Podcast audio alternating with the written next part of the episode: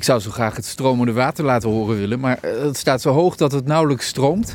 Maar bijzonder is het wel, want dit is een aquaduct waar we nu bij staan. Oftewel, water dat over water stroomt.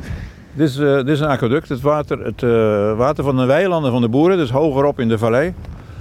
Dat, daar zit veel, zitten veel nutriënten in. En dat willen we niet in het natuurgebied, want we willen juist verarmen om een, een mooie vegetatie te krijgen. En dat nutriëntrijke water dat gaat dus onder het schone water door. Het schone water van de Kromme Eem. Het gaat onder de Kromme Eem door en komt dan in de Grift. Dat is, uh, de Grift is de, de, lokale naam nog steeds, maar uh, eigenlijk heet dat officieel het Valleikanaal. En een plek met een, een rijke geschiedenis, geloof ik. Ik ben Ridder René niet, maar dit, dit is wel een plek, als je het hebt over geschiedenis, dit is er een. Dit is een heel uh, stuk geschiedenis. De Kromme Eem die, die was er altijd als stroompje om het veen van Venendaal te ontwateren richting de Rijn. Het stroomde dan ook van Venendaal naar de Rijn. Uh, ja, dat veen dat, uh, dat is net als uh, olie nu. Bedoel, dat was in trek. En de ja. bisschop van Utrecht die zag daar wel business in. De bisschop van Utrecht was een Vlaming. En die heeft het kanaal gegraven naast die, die, kromme eem. Want die kromme eem was niet bevaarbaar, zoals je nu ook al ziet hier. Nee, precies. Als je nu met een bootje aankomt of je wilt gaan suppen of zo, hou maar op. Schiet niet op. Nee. Dus het kanaal is gegraven. Dat, en daarom heet het de Bisschop Davids Schrift. Of heet het oorspronkelijk. Het is in 1960 verder gekanaliseerd. Toen werd het Valleikanaal. En uh, dat veen van Veenendaal is afgegraven en afgevoerd.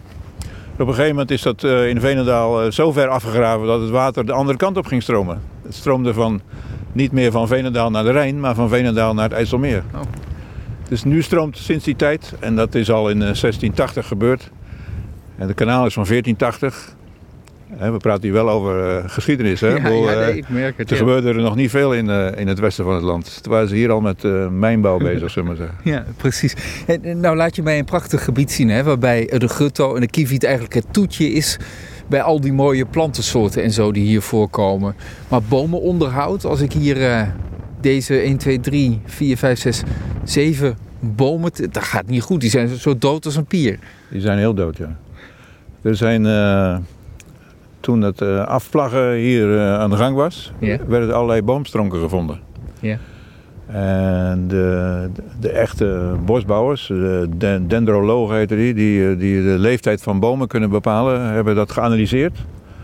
En die kwamen tot uh, 7000 jaar oud. Wat? De, de, deze boomstammen die deze... recht overeind zijn gezet, zijn ja. 7000 jaar oud? zijn 7000 jaar oud. Kunnen we er even naartoe lopen? Zeker. Ja, dan wil ik toch wel even even voelen wat voor hout dat dan is. Het wat voor hout dat gesneden is.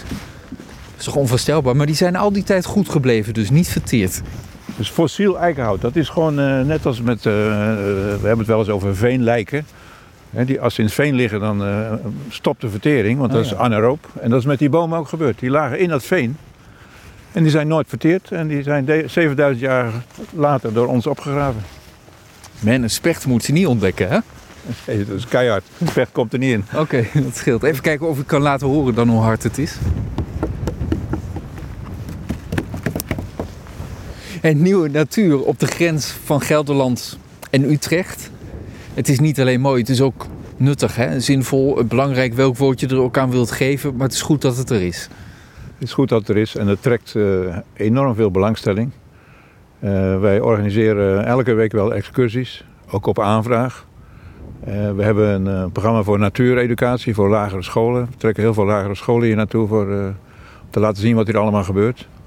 Dus eh, afgezien van natuurontwikkeling heeft het een hele belangrijke eh, een bijdrage aan de bewustwording van hoe belangrijk natuur is en hoe mooi natuur is.